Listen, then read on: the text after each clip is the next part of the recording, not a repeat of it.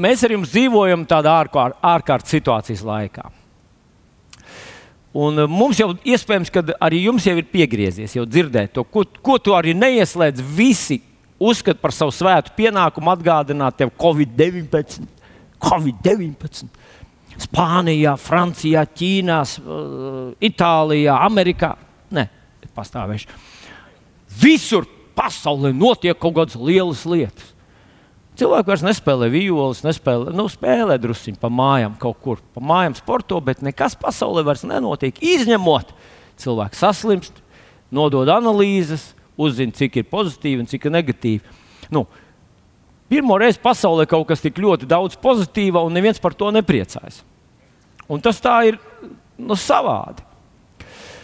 Bet, zinot, es gribu teikt, ka šis, šī krīze, šī pandēmija, šī Covid-19 pandēmija, viņa tikai pusbēda.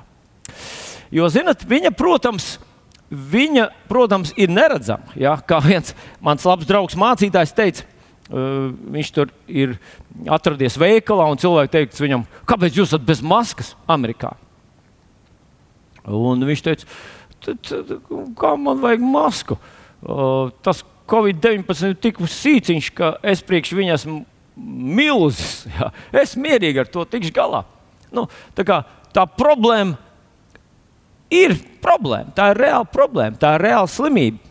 Reāli cilvēki, mēs visi zinām, ir cilvēki, nu, cilvēki, kuriem varbūt nevajadzēja iet mūžībā, ir aizgājuši mūžībā, tāpēc ka saslim ar šo slimību. Un tas nav, tas nav joks. Jā, starp citu, kaut kad es, es dzirdu, no kristiešu nometnes. Tādas, ziniet, tādas, tādas nicīgas, kaut kādas bezatbildīgas frāzes par to, ka tas viss nieks, neko tur nevajadzēja, nekādu karantīnu nevajadzēja. Visu, kas nomirst, nomirst, un kas dzīvo, dzīvo, halleluja, viss Dievu rokās. Ziniet, nu, tā, tā, tā nav ticība vispirms. Tā ir muldēšana. Jā, jā, droši var pateikt, nodot tam savam mācītājam, vai kas tev tā, tā autoritāte tā ir. Pasaka, Vilni saka, ka tu muldi, ka tā nav nekāda ticība. Kā tu tā drīkst vilni runāt? Nu, redzat, mēs vēl vecajā derībā lasām, ka Dievs ievies karantīnu. Ja cilvēkam bija infekcijas slimība un tajā laikā bija izplatīta infekcija, tā bija e, spitālība.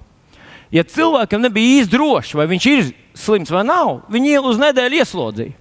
Nu, protams, ne jau cietumā, ielika viņu karantīnā. Un pēc nedēļas vēlreiz pārbaudīja, ir vai nav. Vēl nav īsti droši, vai ir vai nav viņš slims. Viņu vēl uz nedēļu ieslodzīja. Nu, nē, ieslodzītas varbūt skan pārāk, pārāk, uh, nu, pārāk pazīstami. Ja? nu, Varbūt viņu atšķīra no visas lielās draudzes. Lai citi nesaslimtu, Dievs toreiz ieviesa karantīnu. Tāpēc, lai pasargātu kādus citus cilvēkus. Tas nav dumi, tas nav demoniski, tas nav ļauni. Vienkārši īstenībā ja man šodien būtu vairāk laika tam, es parādītu, ka ik pa laikam Dievs lieto šo metodu, atšķirt slimos, atšķirt tos, kas ir nāvējoši slimi. Tajā laikā, kad nebija ārstēšanas, atšķirt no veseliem, lai pasargātu cilvēkus no saslimšanas un no nāves. Tā kā, mīļie draugi, tas, kas šodien notiek pasaulē, tas nav vienā, vienā vienīgā veidā dēmons un vēlni un sazvērstības un ļauni cilvēki un viss ir, ir mērķis, ir draudz. Nē, arī neticīgi cilvēki mirst, bagāti cilvēki, pazīstami, slaveni cilvēki, politiķi mirst. Mēs gribam pasargāt, un tas ir pareizi pasargāt cilvēkus no slimības. Un es gribu teikt, ka es, protams, nezinu visas tās slepenas ziņas, un tur ļoti daudz ir visādas slepenas informācijas, ko valdība mums nestāsta un kas viņai zināms. Bet es gribētu teikt, ka vajag darīt, ko var darīt, lai pasargātu cilvēku. Nav obligāti visiem jāizslimo. Un nav, tas, nav tā ticība, kas nomirs, nomirs un kas izdzīvos slavu Dievam. Uh, tā kā, tā kā uh, ir, šis ir ārkārtas stāvoklis, un ārkārtas stāvoklī ir iespējams un arī pieņemams ārkārtas metodas.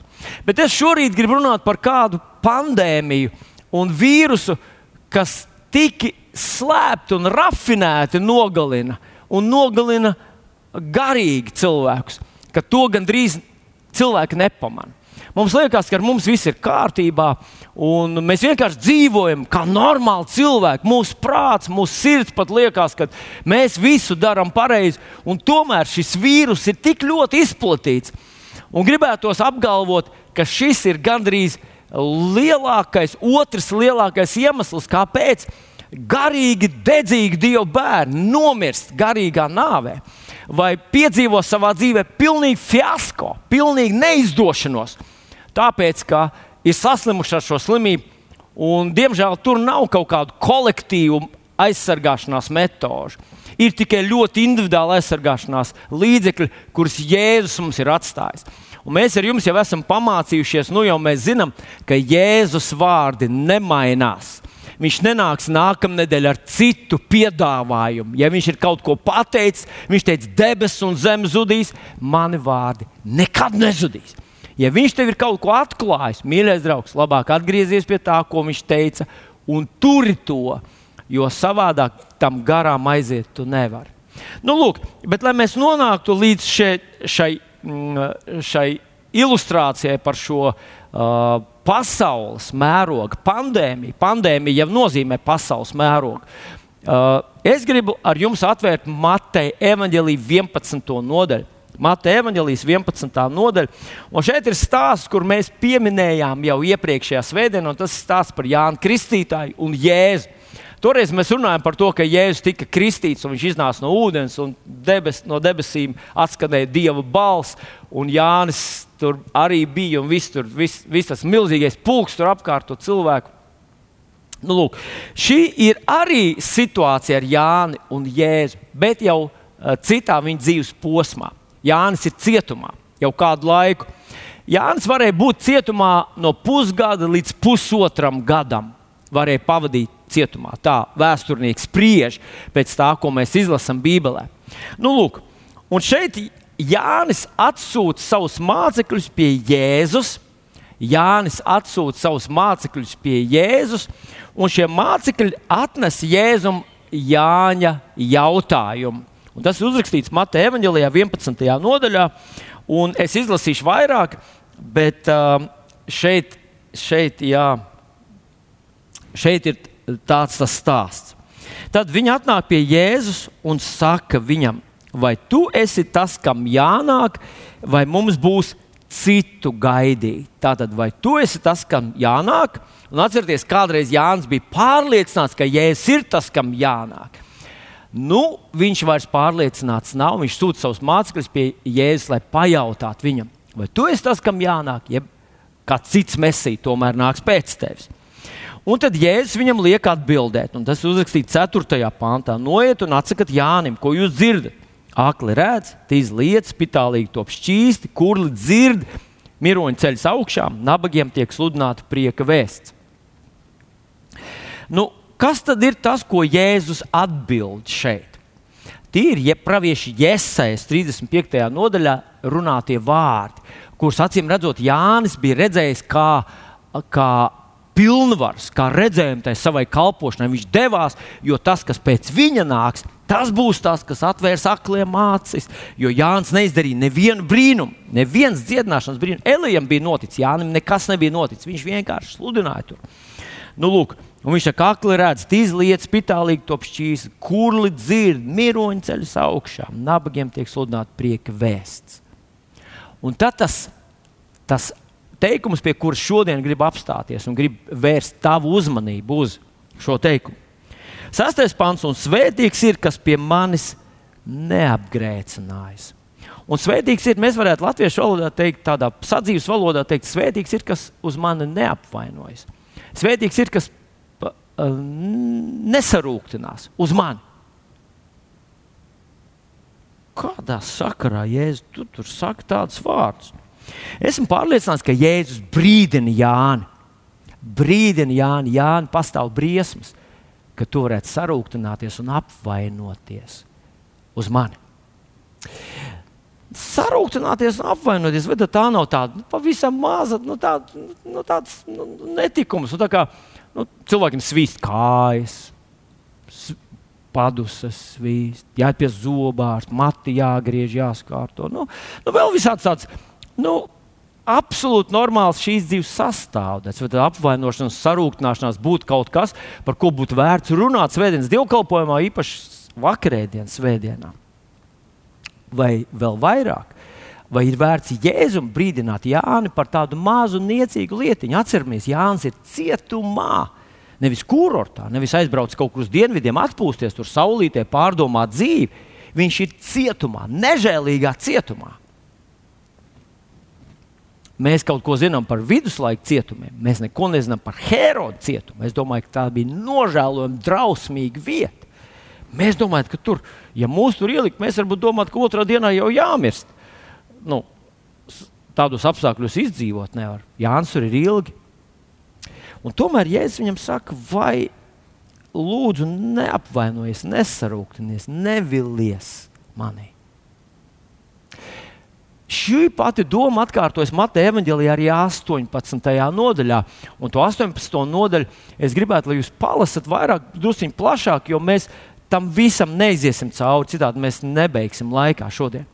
Bet Mateja evanģēlijā 18. nodaļā Jēzus saka tādus vārdus: vai pasaulē apgrēcības dēļ, vai pasaulē sarūktināšanās, aizvainojuma dēļ Tie ir tā tādi, atcerieties, viņš teica, vai bet, um, Betesdai, vai, vai Horacinai. Un tie ir tā tādi drūmi pasludinājumi, gandrīz vai tā kā lāsta vārdi. Un viņš saka, ka pasaule ir nolādēta. Nu, es, es runāju uh, druskuļi ne tieši pareiziem vārdiem, bet pasaule ir kāda milzīga sērga vai pasaulē, un tieši sarūktināšanās un apgrēcināšanās dēļ. Un tad viņš turpina tad tas nozīmē, ka pasaules pirms tā ir ļoti daudz. Tad viņš saka tādus vārdus, kurus es agrāk nesapratu. Apgrēcībai gan jānāk. Un man bija tā doma, ka tas ir tas Dievs, kas sūta tās apgrēcības. Lūdzu, vai plīst, apgrēcībai jānāk. Tas kā, ja es tev nodarītu pāri, un es tev nodarītu pāri, un teiktu, no, ko te es varēju darīt apgrēcībai, jo tomēr jānāk. Bija man, bet bija tev jānodara pāri, jo redz, Dievs tas kungs tā teica, ka vajag tev izdarīt pāri. Bet tā nav. Tur nav tā doma. Tur tā doma ir tieši pretēji. Tā doma, atcerieties, Jēzus saka, neapgrēcinies. Viņš saka, vai pasaulē.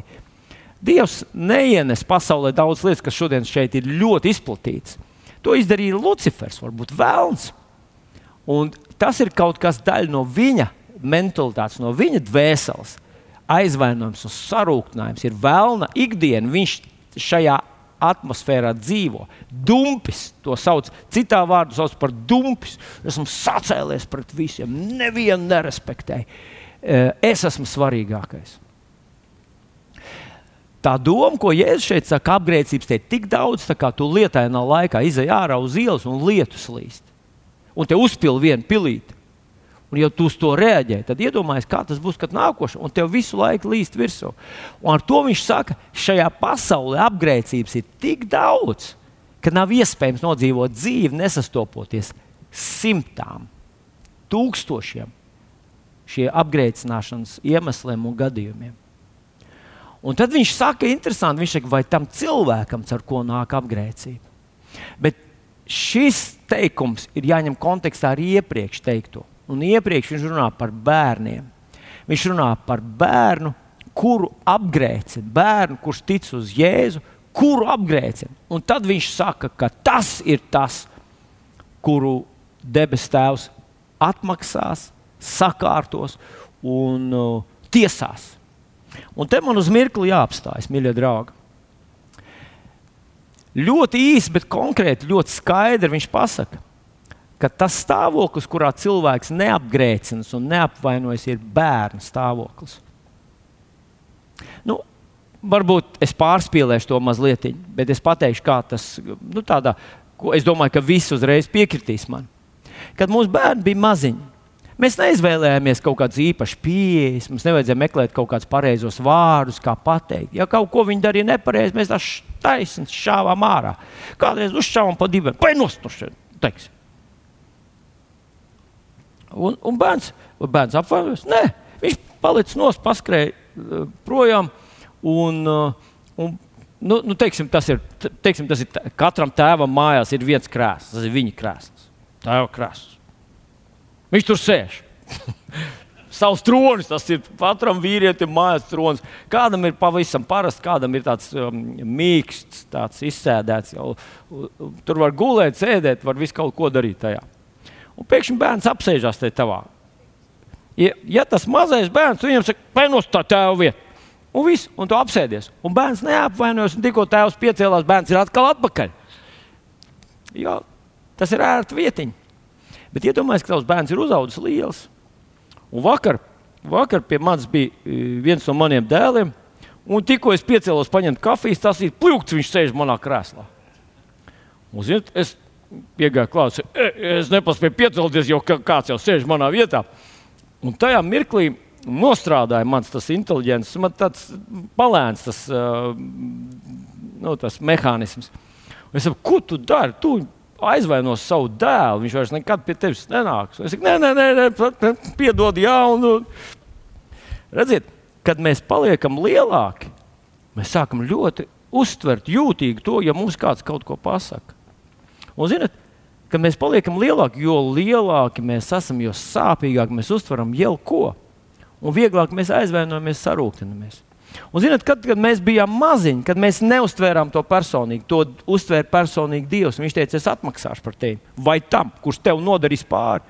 Bet tajā mirklī, kad mēs paši sākām to uztvert, mēs izslēdzām Dievu no spēles, mēs sākām paši nest to sāpes to un, un, un domāt, kā to situāciju izstūrēt ārā no, no, no tā strupceļa, kur mēs esam nonākuši.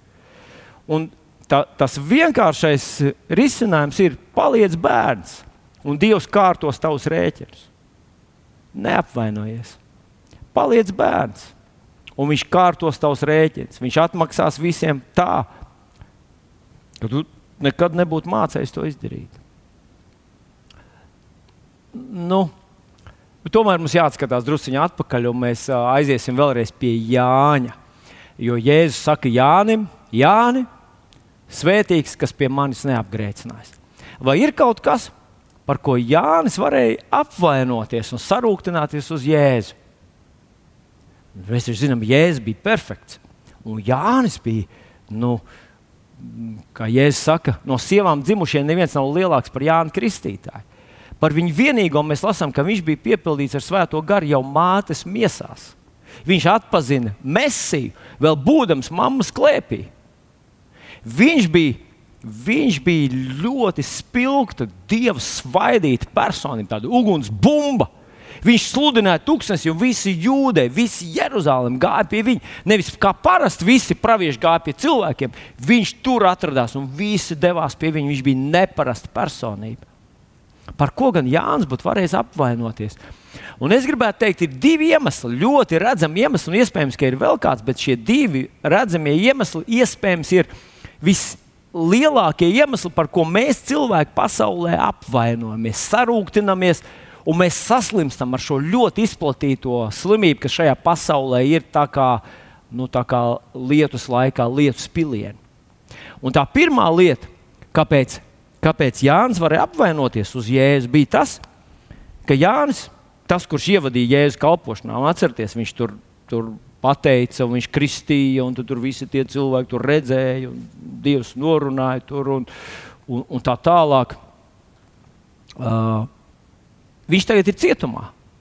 Un Jēzus neizmantoja to savu ietekmi, kas viņam bija, lai izglābt Jānu, vai vismaz aiziet un atbalstīt viņu. Vismaz tur pie Heroda pilsētas rīkot sapulces un sauktu, visu atbalstīt, atlaidiet Jānu. Vismaz gavēsim tēt, lai Herods atlaiž Jānu. Tas Herods ir čūska vecā un, un, un mums vajag tur salauzt viņu tur vēlnišķīgos demoniskos sazvērestību pret dievu praviešiem. Iesim, cīnīsimies, iesim, karosim. Kas mūsdienās mums liktos, tas taču ir normāla lieta, ne? vai ne? Un ja es to nedaru, Es domāju, ka Jānis bija ļoti liela cīņa, jāizcīņa viņa dvēselē par to, jo viņam likās, es domāju, ka viņam likās tieši tāpat, kā mums katram būtu licies, ka tas būtu normāli. Tas būtu normāli, ka tu tagad iestātos par mani. Labi, tu nevari iekarot Herodu pili. Tu vismaz kaut ko darītu, tu vismaz tur rīkot kaut kādus tur, nezinu, tur, nu, kā jau teicu, tos kristīgos uh, pasākumus, lai atbrīvotu Jāni. Un tur viņam vajadzēja brīdinājumu, neapvainojies Jāni. Kas bija otra lieta? Tātad pirmā lieta bija, ka Jēzus nedarīja to, ko neatiecās pret Jānu tā, kā Jānis būtu gribējis. Es domāju, tas ir ļoti izplatīts apvainošanās iemesls, kad mēs sastopamies ar situācijām un sagaidām kaut kādu konkrētu attieksmi pret mums, un pret mums neatiecās tā, kā mēs to domājam, bijām pelnījuši. Tas ir izplatīts ģimenēs, un izplatīts valstī, un izplatīts nezinu, vis, visādās sistēmās, un visur, kur mēs sagaidām, ka pret mums kāds izturēsies. Mēs aiz, nonākam slimnīcā un sagaidām, ka un mēs, kā, mēs ar sirdi, bet sastopamies ar vienaldzību, ja vēl nesliktāk, ka mūs izmanto. Un Jēzus saka mums, neapvainojies. Viņš brīdina mums, neapvainojies, nesarūktinies, nevilies tādā situācijā, kad pret tevi neizturās tā, kā tu to biji gribējis. Vai tu ar to esi saskāries savā dzīvē? Esi? Nē, es nekad. Nu jau gan tu samelojies. Esi. Un dažreiz skolā, mājās, no saviem brāļiem, māsām no tiem, kur tev liekas, ka viņiem vajadzēja tevi pazīt. Viņi netic tev un necien tevi. Atcerieties, Jēzus teica, pravietis netiek cienīts savā dzimtenē. Un viņš teica, ka tas ir kroniska lieta. Ja katrs pravietis būtu apvainojis par to, ka viņi neuzņem viņa dzimtenē, viņi savu kalpošanu nekad nebūtu pabeiguši uzvarā. Un tieši tas pats ir ar tevi un mani. Nu, labi, kas tad bija tā otra lieta, par ko Jānis varēja apvainoties uz Jēzu? Un, manuprāt, tā otra lieta ir tā, ka Jēzus nedarīja to, ko Jānis bija sagaidījis, ka Mēsī darīs. Redz, mēs runājam par to, ka Jānis bija uh, Dieva svaidīts pravietis, vislielākais no visiem praviešiem. Jēzus tā pats teica. Un viņš jau no mācības miesām zināja, kas viņam jādara. Kad viņš izgāja tur, tajā tūkstnesī, ļoti labi ilustrēja Jēzus vārdu, kad viņš uzrunā to sabiedrību un saka, un ko jūs izgājāt tuksnesī skatīt, vai kādu niedri, ko vērš turpu, šurpu, svaida. Jānis nebija niedri. Nē, viņš neliecās neviena priekšā, viņš nesvaidījās, viņam bija viena vēsts, un tā vēsts bija tāda. Cirvis kokiem pie saknes jau pilns. Ja jūs nenesīsiet pienācīgas atgriešanās augus, nocirstīs jūs.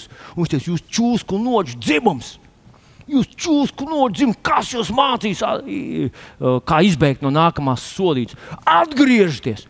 Viņš bija strikts vecs, viņš bija tāds vecās derības pravietis no praviešiem. Un kad atnāca rakstu mācītājiem, farizēja pie viņa, viņš ne, ne, ne muskulis viņa sejā nepalika maigāks. Viņš tāpat bēra virsī, viņam ogles un uguņus. Un Tie devās kristīties, lai gan daži teica, paklausieties, tas vi, viņš neēd, ne dzer, tam ir ļauns gars. Bija tādi, kas teica, atcerieties, nu, lūk, tas bija Jānis. Un viņš sagaidīja, viņš sagaidīja, ka Mēsī, tas, kurš nāks pēc viņa, būs tieši tāds pats. Turpinās to viņa iesāktu. Jo viņš taču, viņš taču saņēma no Dieva, un viņš redzēja, kā atgriežas cilvēki. Tā vēsts strādā. Jānis teica, tas, ko es sludinu, strādā. Paskaties, visi Jeruzalem, visi jūdei atnāca, visi nožēloja grēkus. Karavīri, muitinieki, visi nāca aptiekāri un nodokļu ieņēmēji. Visi te raud un nožēlo savus grēkus. Tas strādā. Un tad atnāk Jēzus. Un, ja jūs nākat pie manis, visi, kas esat bēdīgi un grūtsirdīgi, es jūs gribu atvieglināt. Viņš kvēlojuši dakti nenodzies, nenodzēs un ielūzuši niedri nesalauz. Jāņa 3.17. saka, viņš Dieva dēls nav nācis cilvēks tiesāt. Un te Jānim varēja būt milzīgs konflikts. Kā es tevi pavēru durvis, tev, es, es tevi publiski visu priekšā atbalstīja, ka tu esi tas, mm, par kuru man teica, uz kuru tu redzēsi garu nonākam. Kāpēc? Kas ir tas, kas tev kaiš? Kāpēc tu nedari to, kas tev jādara? Viņš varēja būt apvainojies uz jēzu. Un ziniet, kas ir interesanti, paradoxāli tajā visā situācijā ir tas, ka Jānis darīja tieši tas, kas viņam bija jādara. Un Jēzus darīja tieši to, kas viņam bija jādara. Un viss, ko Jānis vajadzēja izdarīt, viņam vajadzēja neapvainoties, nesarūktināties uz Jēzu. Tagad paskatīsimies mazliet plašāk. Vai tu nesaskāries ar situācijām, kad cilvēki nedara to, ko viņiem ir jādara? Un tu gribi apvainoties, sarūktināties, sadusmoties, vilties cilvēkos. Es jau pieminēju slimnīcas, un pieminēju doktorus, un pieminēju dažādas tādas Bet varbūt mēs varam paskatīties plašāk. Nu, teiksim, šajā situācijā, vai mēs nedzirdam tādu no, va, no, no visas tautas, tādu nu, no mūziķiem īpaši tādu, tādu aizvainojumu pret valdību, kāpēc viņi nedara to, ko viņiem vajag darīt, kāpēc viņi nepalīdz, kāpēc viņi nedala naudu pa kreisi un pa labi. Kāpēc vispār valsts un valdība nedara to, kas viņai ir jādara, jo haidī, piedodiet. Tas, tas tāds nacionāla mēroga uh, vaids. Vai nav tā, ka ļoti daudz no tiem tautiešiem, kas ir aizbraukuši no mūsu zemes, ir sarūktināti un vīlušies uz šo valsti, uz valdību, uz varbūt konkrētiem ministriem, uz bankām? Man jāsaka, ka arī manā sirdī bija rūkums. Es nesen kaut kur saturu, sāk, man svešiem cilvēkiem sākās saruna, un no manis iznāca ārā tāds, es esmu redzējis, ko bankas nodara cilvēkiem. Godīgiem, nesautīgiem strādniekiem, kā viņus vienkārši izsviež no, uh, no viņa dzīves, ārā, izpurina ārā, izģērbi un vēl uzkarina. Uh, nu, es negribu tajā iedziļināties, uh, Un man tas nebija nodarīts, bet manī bija tas aizvainojums. Un tad es iedomājos, ka vispār tas aizvainojums un sarūktinājums tas ir kaut kas, kas mūsu visu vecajā cilvēkā ir izplatīts visur. Un tikko mēs dzirdam, ka kāds, atļaujiet man to salīdzināt ar, ar tādu suņu gaudošanu. Nu, varbūt suņi ne tik daudz gaudo, bet uh, vilki, piemēram. Atliek vienam vilkam mēnesnīcas naktī, uh, nostāties uz kalnu, viņi vienkārši sāk. Un, zināt, tie citi nemaz nedomāja. Viņam nāca miegs, bet pēkšņi viņi izdzirdēja, ka kāds gaudo un viss uzreiz. Un es gribētu apgalvot, ka visā pasaulē, visās tautās, visur, visiem cilvēkiem, kas nav atpestīti, kaut kas mūsos ir iekšā, kad mēs dzirdam kaut kādu aizvainojumu, sarūktinājumu, mūsos pamostās tās pašas stīgas, un mēs visi sajūtamies kā cilvēki, kuriem ir nodarīts pāri, un mums gribas sākt gaudot. Nozagt jaunībā, atņemt īpašumu, zaudētu naudu, zaudētu veselību, zaudētas attiecības, bērni nav tādi, kā vajag, vecāki nav tādi, kā vajag. Un, ja sāksim par valdību, tad puse nācijas noteikti gaudos līdzi vēl vairāk. Un gandrīz vai tiešām jātic tam, ko Jēzus saka. Piedodiet, tas tā izskanēja ģeķīgi no manas mutes, jātic tam, jātic Jēzum vai pasaulē šī sarūktināšanās un, un aizvainojuma dēļ. Visi ir sarūktināti. Visur ir sarūktināti. Nav gandrīz neviena cilvēka, kurš nebūtu sarūktināts, izņemot bērnus.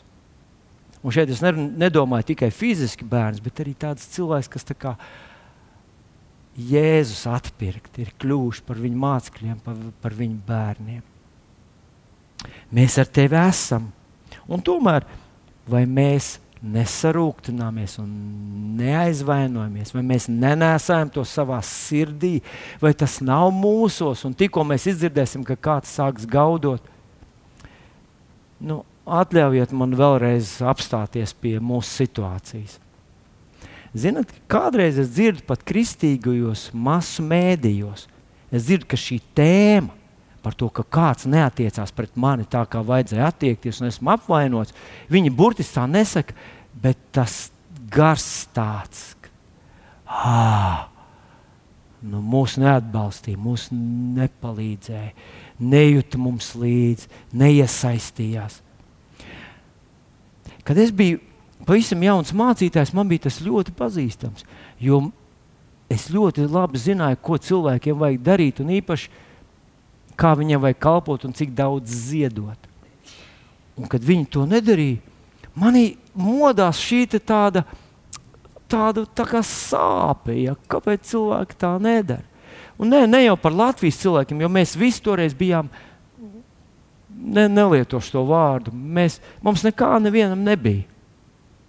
Bet kādreiz, kad satik, satikies ar kādu ļoti bagātu cilvēku, kurš lielījās ar saviem īpašumiem, savām naudām, Un tad tu izstāstīji to savu milzīgo vajadzību, un viņam kā pīlēja ūdens. Un, zini, iekšā kaut kas tāds, ah! Un Jēzus noteikti būtu sūtījis šo brīdinājumu tev vilni.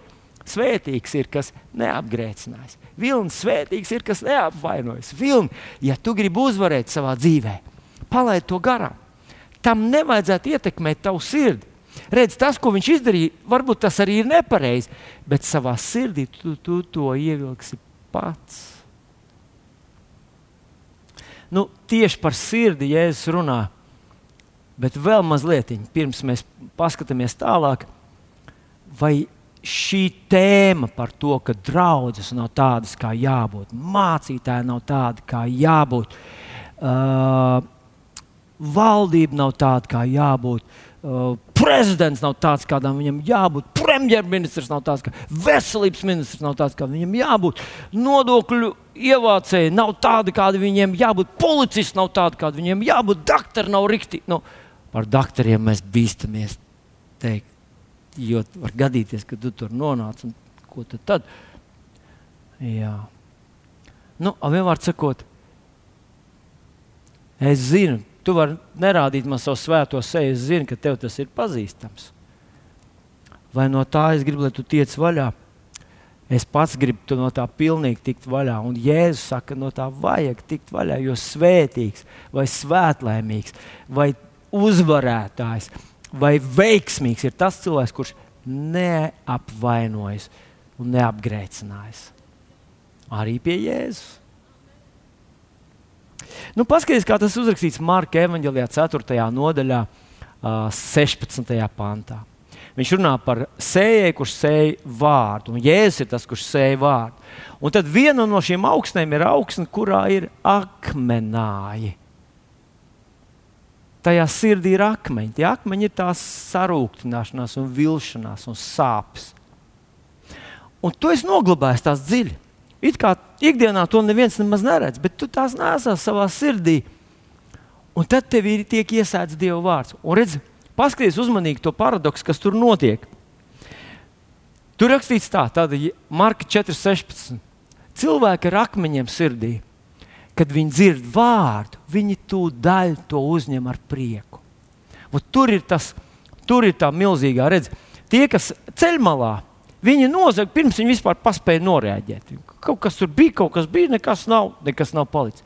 Bet šie ir cilvēki, kas kā priekšzīmīgi kristieši, priekšzīmīgi gatavi evaņģēliem. Tie, kas meklēja jau Dievu, viņi sadzirdēja to un viņi atsaucās. Jā, aleluja, jā, es gribu, jā, es gribu kalpot, jā, es iešu līdz galam, jā, es ar tevi cietumā un nāvē, jēzus, tu esi mans svarīgākais, tu esi mans dzīves lielākā mīlestība.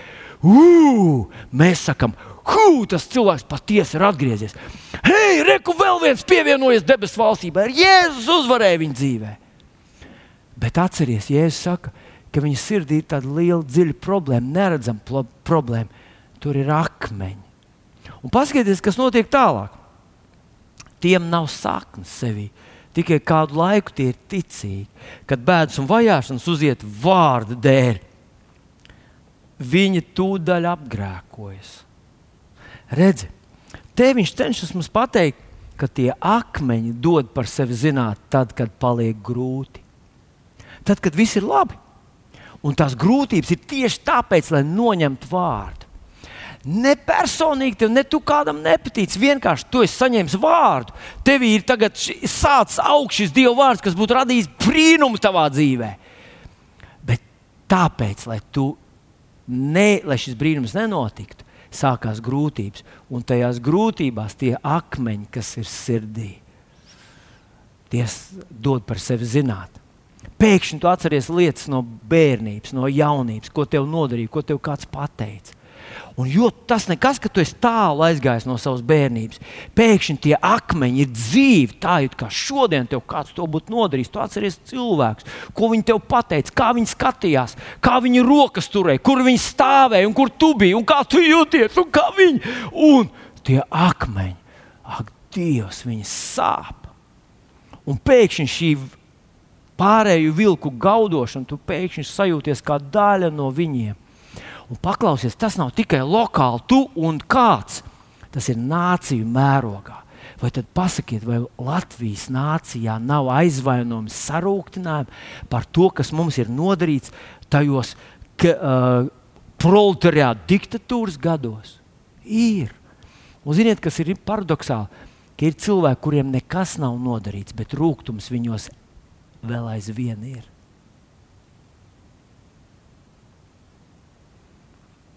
Kāds man var tādu tādu kontroversālu jautājumu, ko tad mums vajadzētu piedot visiem tiem, kas nogalināja mūsu vecākus un vecvecākus, un tur nomocīja viņus naba, badā un mēros un tā tālāk.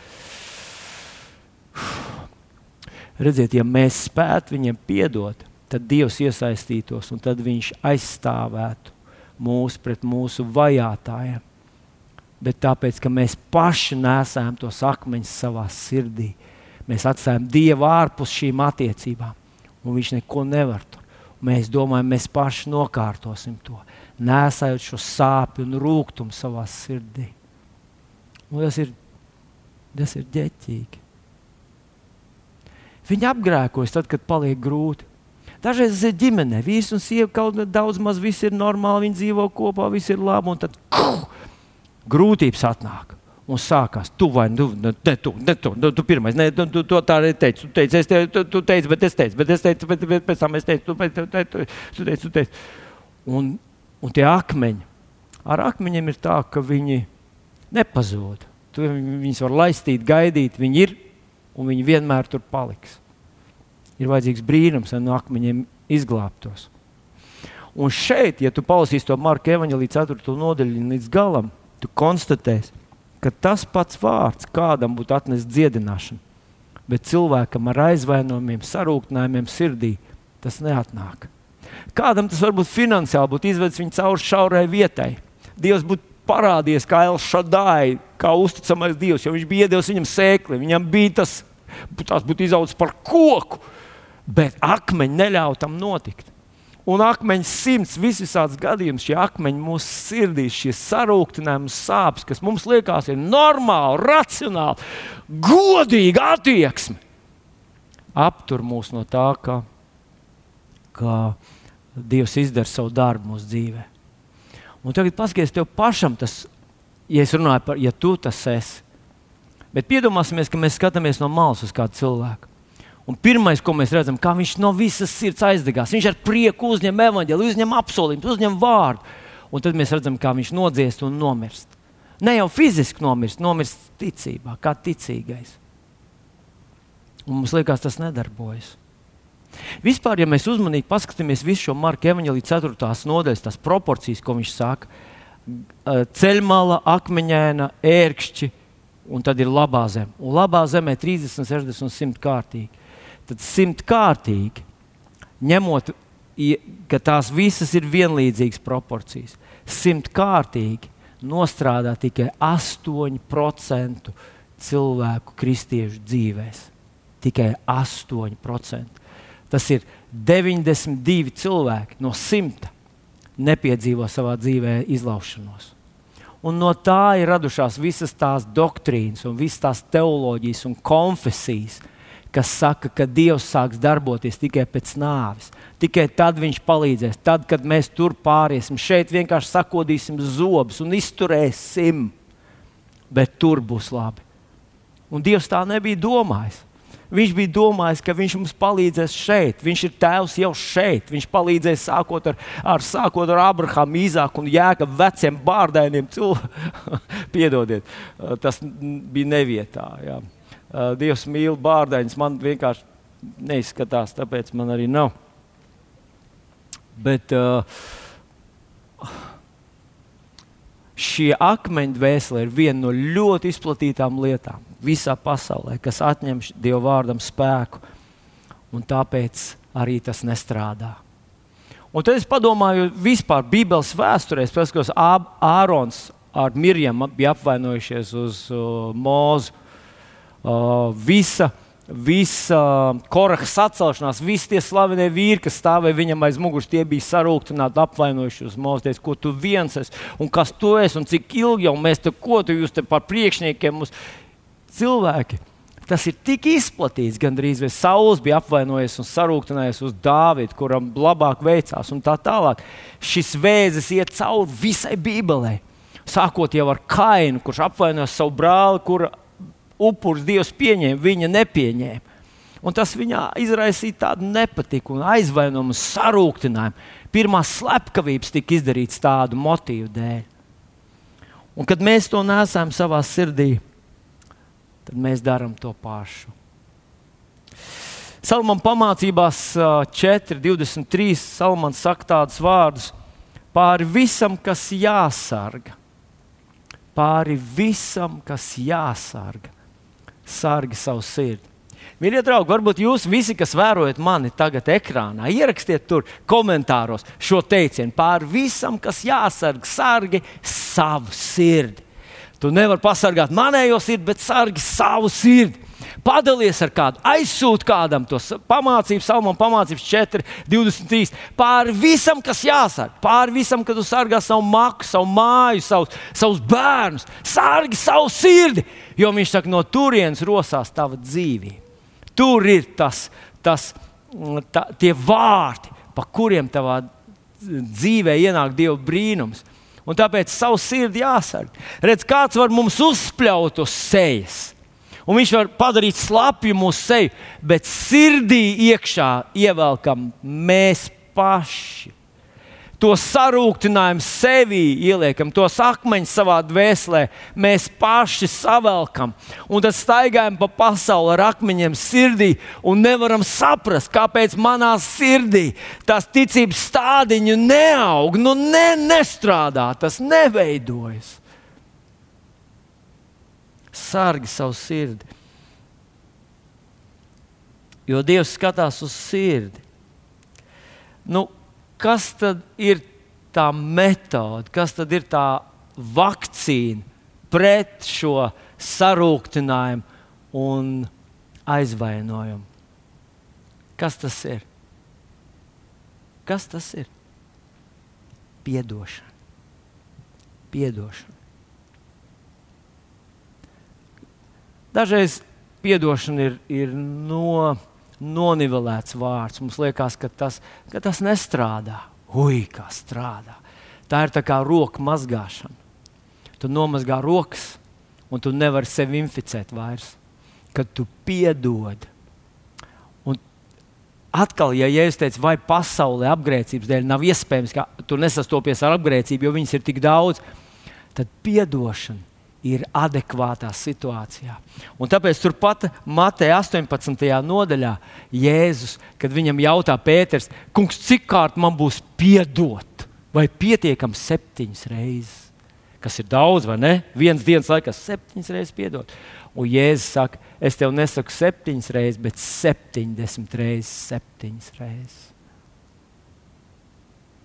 Es tev nesaku septiņas reizes, tev saku, ka tavu dzīvi tev, kā tu elpo, tā tev pavada piedošana. Tu aizgāji uz veikalu. Un kaut kas nenotika tā, tu atnāc mājā tikai tad saprati, tu piedod. Vai, vai nest atpakaļ un mainīt, ja es piedevu. Ja tu vari aiznest atpakaļ un apmainīt, var. Bet to nevajag darīt ar to sāpju sirdī. Kad laiciņā atpakaļ, es nezinu, varbūt jums ir savādāk, bet Svētais Gars parādīja man, manu sirdi. Un tā bija tā kā, ziniet, bija tāda kadiķa joga kādreiz, tāda viss vienos dzelkšņos. Ka man sirsniņa tik pilna ar visādiem uh, sarūktinājumiem, vis, visādām uh, sāpēm, visādām lietām, ko es esmu savācis dzīves laikā. Un katru reizi, kad kāds kaut kur sāka teikt, kaut kādā oh, tur ir dievi, tur ir kaut kas manī vienmēr rezonē. Un es teicu, tas ir stulbi. Tas dažādi rullīši par sazvērestību, par šo covid-19, par to, kādu mācītāju, par to, kāds tur ko tur dara un kāds tur kaut ko nedara un tā tālāk, un kāds kaut ko ir teicis. Un tas rezonē manī, un es sapratu, Dievs, tā, nā, tā nedrīkst būt. Tas kaut kas slimi ir. Ka es gaudoju katram vilkam, kurš gaudo šajā mežā, es esmu tendēts viņam gaudot līdzi. Un es sāku atbrīvoties no tā. Es sāku teikt, viss, kas nāca manā apziņā es teicu, es piedodu, es piedodu viņu, es piedodu viņu, es piedodu viņu. Ne jau ne obligāti tie cilvēki ir kaut ko man nodarījuši tiešām, vai gribēja nodarīt. Vienkārši tā situācija ir tāda, ka, ka, ka tie pilieni ir tik daudz aizvainojumu, ka, ja tu nepiedod, tad tas tev vēl kāds līdzi, bet tikko tu pasaki, es piedodu. Es piedodu, es piedodu, es nesaprotu to situāciju, es to atstāju. Tā nav mana, tā nav mana daļa. Īsnībā man nav jāatbild par to, ko kāds dara nepareizi, vai to, ka kāds attiecās pret maniem nepareizi. Tā nav mana problēma. Man ir jādara tā, kā Jānis Kristītājam bija jādara tas, ko Dievs viņam pateica. Ej un izdari! Un neskaties, ko citi par tevi saka. Mēs taču meklējam izpatikt Dievam un ne cilvēkiem. Un, zinat, es gribētu teikt, ka burtiski, burtiski tā kā tāds sajūta, ka tu vari ievilkt vairāk gaisa iekšā. It kā, it kā kaut kas, kas pirms tam tev bija ciets tavās krūtīs, it kā ir atvērties un paliks vaļā. Un tad es sapratu, ka šis piedošanas Jēzus vārdi, atcerieties, viņš, viņš tēvreizē teica, tas, ko mēs skaitām, kā tādu tēvreiz, viņš teica, piedod. Uh, mums, kā mēs piedodam. Un tad kāds mācītājs izdarīs secinājumu, ka cilvēks, kuram, kurš nepiedod, viņš vispār nav glābts, varbūt, jo viņš nes, nav, nav sapratis, kas viņam ir piedots. Piedod. Cik reizes? Katru reizi, katru reizi, kad vien tu sastopies ar kaut kādu situāciju, piedod. Piedod.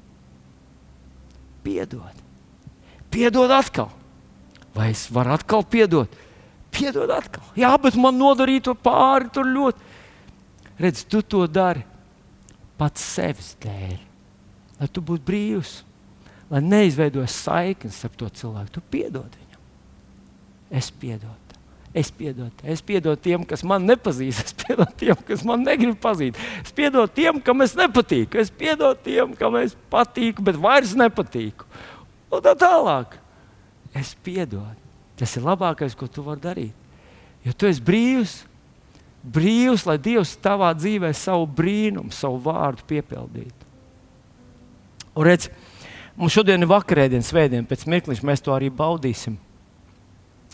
Bet tur Pāvils arī tālāk saka, viņš saka, lai cilvēks pats sevi pārbauda. Un šobrīd es ļoti gribētu, ja tas atsaucās tavā dvēselē, Un man gandrīz gribētu teikt, ka es par tevi runāju. Jā, jā, jā, jā, jā neskaties apkārt, tu esi istabā viens pats šobrīd. Par tevi mēs runājam. Tieši tavā dzīvē šis sarūktinājums un sāpe, vienalga uz ko, pilnīgi vienalga uz ko, ir tas, kas bremzē Dieva darbu. Vai tu gribētu šodien tos akmeņus iz, izbērt no savas dvēseles? Uzliec savu rociņu savas sirds.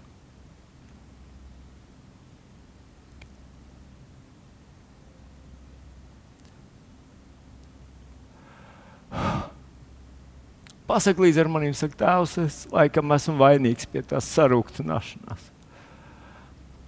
Un tu brīdināji, ka svētīgs ir, kurš neapvainojas un nesarūktinās.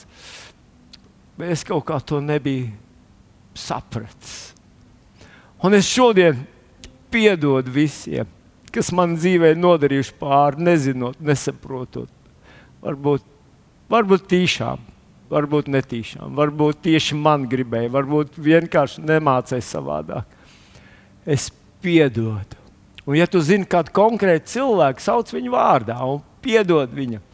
Varbūt tev jāpiedod kādai nācijai, varbūt tev jāpiedod kādai valstī, varbūt tev jāpiedod kādam konkrētam amatpersonai, varbūt kādai iestādē. Vienkārši atlaid viņus, piedod. Tēvs, es piedod Jēzus vārdā. Un es lūdzu šķīsti, kungs. Saka, šķīsti man dvēseli. Kungs, Jēzus, šķīsti man dvēseli. Ah.